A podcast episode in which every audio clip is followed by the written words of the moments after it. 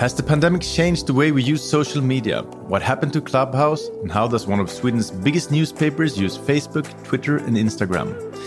In this episode, I discuss this with Hanna Österberg, who's the social media manager at Svenska Dagbladet. Hanna, welcome to Schibsted Talks. Thank you. So we're going to talk about social media. You're the social media manager at Svenska Dagbladet. I'm wondering, the, the pandemic, has it changed how we use social media? Yes, it has. Um, we, what we can see is that more people use social media and more often uh, makes sense because we are more isolated now. I think Svenskarna and Internet uh, showed really well. Uh, this is a report from Internet Internetstiftelsen that came out every year. Uh, and it showed that 89% now uses social media in total, and uh, 74% uses social media on a daily basis. Uh, so that corresponds quite well with like other trends during this year that we use like grocery shopping online and so on. So yes, we use social more and also all kinds of digital services more since we are more home. So, speaking about trends, at the beginning of this year, there was this enormous hype about Clubhouse. What happened? I haven't heard of it since. No, me neither. I've stopped listening around Easter, I think. Uh, but this was a really big hype. Uh, and in Sweden, this uh, happened some around winter when we were really isolated and we really missed our colleagues and we missed this normal buzz that you can hear in a bar or on a train. And I think therefore we try to replace this with something else. And I also liked the idea that it was audio. Uh, audio is growing a lot. We can see that on the podcast market and so on. But I also think that Clubhouse were a bit too complicated to join if you hadn't had an invite. And it wasn't great when it comes to integrity and safety. But you said something about, about you know, the talk on the bus, because to be honest, the content, the quality wasn't that high. We just people speaking out loud. So, so it, in that way, it reminded of, of a conversation in a bar. Yeah. And maybe that was the thing that we wanted at that moment. We wanted to be part of something and to discuss with people more freely and maybe not like this um, strict podcast uh, structure. So maybe that was the thing that people really liked about it. And I think that the timing, at least in Sweden, was because of the isolation part. We missed each other really much. But I think that audio is still growing, as I said, and we can expect that social audio will keep growing I've read that you probably heard that too that both Twitter and Facebook are releasing their own versions of kind of Clubhouse similarities.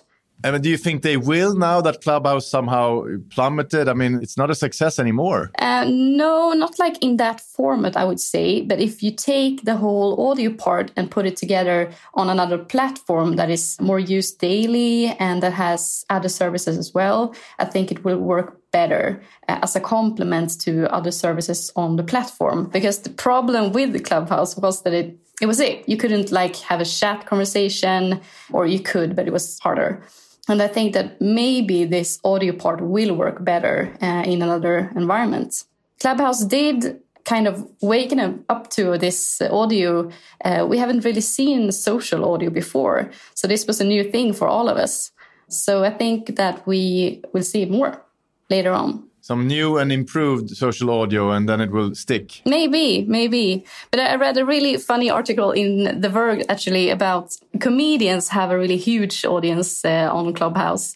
And it has also been a platform for for scammers of course. In the article they talk about uh, someone who tries to be brad pitt for an hour and he talks about climate change and so on. And he doesn't stop until someone in the audience actually says, But you're not Brad Pitt.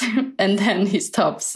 So, of course, all kinds of platforms has their thing. And but it was quite new for me that comedians are so big on Clubhouse. So I want to ask you something about your, your work process as a social media manager at Svenska Dagbladet. You said that something big happens in the news. A, a, famous politician dies. How do you communicate that via social media and which platforms do you use? Yeah, this is what uh, I do every day together with my colleagues. So uh, to start with, we need to have the article published on site. That is the first step. Uh, and that could be like two sentences, and then we can make a push notification out of it and put it out. And after that, uh, we often try to make the tweet. That's like the second step. For me, Twitter is kind of the, the breaking news channel uh, where we put the social news first. So we do the, the tweet to get it out fast. And after that, we kind of decide uh, is this something that works well on Facebook or on Instagram or on both? If it's a, it's a really big person, it, it probably works well on both platforms, I would say. But we take a moment of like thinking uh, more about Facebook and Instagram because you can have like maybe and more analyzing a post on Instagram instead of that really fast one. You can have a fast one too, but we try to be more reflective, I would say, on that platforms. Yeah, okay. Twitter is more breaking news. Yeah, for me, it's it's very clear that Twitter is more breaking news, and and that's how I use Twitter as well uh, to get the news really fast. Uh, what happened? Just like two sentences, and that's it. And then you can read more reflectively and see like reactions, um, maybe like different memory parts and so on on Instagram later. And then for me, since Instagram is more of a visual channel as well, maybe you want to take the time to find the best pictures of this person and the things that people really remember this person for. So that's uh, how we do it most of the times. And the different platform, I mean, is someone primarily to get traffic, someone else to build the brand of Svenska Dagbladet? How, how, explain that? Yeah, that's really interesting. And I would like to add Google here, actually. It's not a social channel, but for me, it's, uh, it's actually the most important channel when it comes to traffic. We get about three times more traffic from Google search than from Facebook nowadays. It used to be better with Facebook. Yeah, it used to be. Like five years ago, the numbers were the opposite. But now every people Google all the time. So of course, if Svenska Dagbladet has great content on that subject, we will of course show up in people's search. We work a lot with the SEO, uh, search optimization. We keep Facebook and Instagram, of course, because they have other values. I would say that for traffic, Google. For more branding parts, Facebook, and especially Instagram. Building a brand and building uh, the look of us, uh, Svenska Dagbladet. What do we do? What kind of journalism do we do? Uh, that's Instagram, I would say. And Twitter? Uh, Twitter, as I said, more fast news. Also, uh, kind of opinion content works really well. Yeah, but is it traffic or brand building? More, more traffic, more traffic. Yeah. More traffic. Okay, yeah. Okay, okay. Uh, for me, as I said, uh, fast news, and then you, of course, often click the link in the tweet. So more traffic, but not as it's only a couple of percent actually in total. So Google is huge. After that, Twitter and Facebook about the same, but it's not more than like 10% in total of the traffic. And, and could you give me some sort of measure of when you're successful, some numbers? Is it possible to say that? We like to keep the numbers for ourselves, of course, but I think that, uh, as I said, the SEO traffic is so big nowadays. And I think every media uh, platform should be thinking about this because the SEO numbers could be uh, really valuable if you work with it. And you can also adapt the journalism a bit around SEO.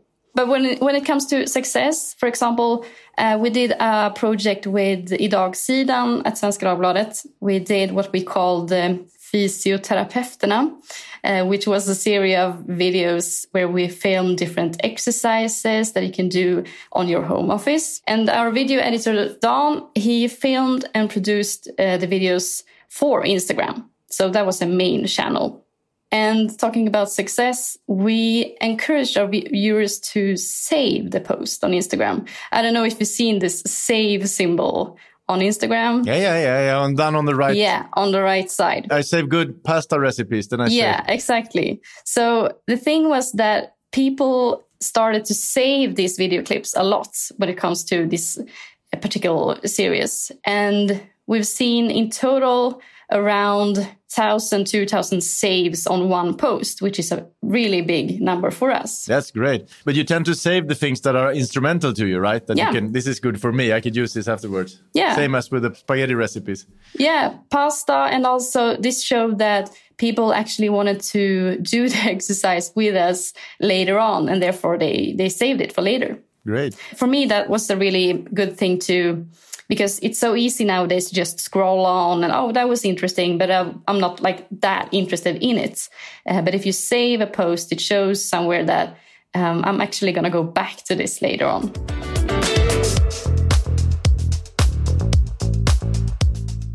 Talking about great numbers and success cases, uh, there's a food store called Ica Brottbyhallen that got 97,000 followers on TikTok.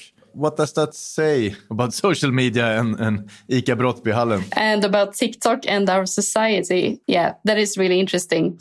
Uh, I discovered this last year. Uh, it's two guys, uh, Martin and Luca one of them is an employee, I think, and they started to play around with TikTok uh, in this ICA store, and they did. Um, they asked their colleagues uh, what's the most important thing to have on tacos, what happens um, uh, in the checkout, the most annoying things that happens in the checkout, and so on. And they started to just like play around and, and do this uh, on work time. And then they got support from ica central i think uh, because they they experienced that it was a really good thing for branding ica. And for me it shows that this is a great way to reach out to a younger audience and build kind of the story around the brand for them because everyone knows about ICA, but can ICA also be fun and, and engaging to hang around with? And I think this uh, with ICA Brottbyhallen really showed that it can. And for me, it showed that I think all brands need to have these 20 year olds, some ones uh, who can uh, do the creative thinking. But is this something for you at Svenska Dagbladet? Because I know your readers are pretty old. Yep, they are. we try to to uh, uh, reach younger as well. Uh, yeah, but that's that's kind of the problem. That for me, uh, we have to be where our readers are, and they are not on TikTok yet, at least. Uh, so we need to choose channels from where our readers are. Uh, but I think in the future, uh, we will need to look at TikTok. And when we talk about longer perspectives, we will need to look at all platforms because uh, we need the young ones. Uh, they are getting older. And when they choose their newspaper uh, or their news sites, we have to be relevant for them. and I think it's a problem in the newsroom that we don't talk about these so much now uh, it comes later on. Oh, when they are uh, getting their first job, they will have to pay for SVD. Uh, but if they don't know about SVD until that, how will they know uh, what to choose? So I think it's really important to build relations earlier on to get a picture. What is this, and what they, do they do? Um, yeah, true, true.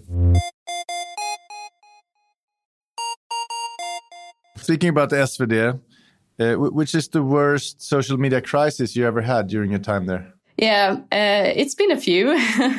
and this is not the worst one. I, I, tend to repress the worst crisis and forget about them, I think. Uh, but it's one of the newest. Uh, this winter, uh, Linn Svahn became a world champion. Maybe you saw it on TV as well. Yeah, no, you remind me. Who's that? I forgot. That's a, that's a sprinter, ski sprinter. Yeah, yeah, yeah, yeah, yeah, yeah. Um, yeah. Sorry, yes, yes. Yeah, and the same day this happened when she took the gold medal, Oskar Svensson also did a pretty good job and he came on sixth place, I think, fifth or sixth place. And nothing like a gold medal, but still. And on site and on social, we focused on Linn, of course. This was a gold medal, it was huge. But something happened, and uh, in print, we had oskar Svensson three times bigger, uh, both in picture and in article, than Linn Svahn. So it looked. What happened? Yeah, that's a good question. Um, something happened, and I think I answered around 200 messages uh, that day on DM and then different posts and so on. Uh, and when something like this happens, um, I try to just explain that this was a huge mistake. This is not what we do normally. And as I said, sites and social media had a different angle. Uh, so something happened. And of course, we talked about this a lot in the newsroom, and many people felt really bad about this. And I think for me, it was extra hard to do this because I love sports, all kinds of sports. Uh, and I think I watched the whole championship, every race. And also, I'm a very Uh, I'm engaged. The thing about women and sports are so important to talk about. But I mean, it was a mistake. The readers could understand that, right? Some of them, when we tried to explain that this is not something that we stand for and this is not what we normally do, they they did understand. But it looks it looks bad, and that is something that we have to deal with. And do you answer all the comments and questions for SvD on, via social media? Uh, not all of them, but my ambition is to answer the serious ones from real accounts, from real people uh, that could actually be um, a subscriber. Um, I try to sort out uh, the anonymous ones, fake accounts, and so on. Uh, but I think it's really important to see social media as it goes both ways. Uh, as a media company, um, we have to listen to the readers, we have to take them seriously, and taking them seriously is also answering them. So, yeah, I try to. My, my way of thinking is that we get more loyal readers that way and that we can build a more trustly brand and more serious brand by doing that. What other media brands are doing well on social media? New York Times is, is always New York Times. Uh, but I think here in Sweden, uh, Veckorevyn is actually doing a great job by, for example, explaining the pandemic for their readers on social media. And they also kind of pick up the right subjects and, and make journalism in a quite new and exciting way. So I think that's really interesting. And also, yeah, we talked about New York Times. They have a smaller account called New York Times Gender, which makes a kind of more uh, women stand out and they pick the news that are more relevant for women. And that's kind of interesting. I'm really interested in how can we get more uh, women as a readers at SvD, but also how can we make the gap between men and women in media smaller. You can only get one social media platform. You can only have one in the future. Which one would you choose and why? Uh, on a personal level, I still like Instagram a lot. Uh, it's very visual. It's still kind of nice. It's not so much hate comments, at least not in my threads. It has to do that is with it that it's more visual, isn't it? That people don't tend to write. Yeah, yeah. I think so, and that it's very inspiring. Like you said, pasta recipes uh, and so on. You can use it for find uh, workout videos. Um, I use it a lot for all kinds of uh, purposes, and of course, Instagram is a part of Facebook. We shouldn't forget about this. So uh, Facebook will probably overlive us all. so, yeah, but I agree, and I think Instagram is kinder. I would probably go for that one as well. Thank you so much, Hanna, for coming to Schibsted Talks. Thank you for having me. This podcast was brought to you by Schibsted Employee Branding Team. My name is Hugo Renberg, and producer was Jens Back.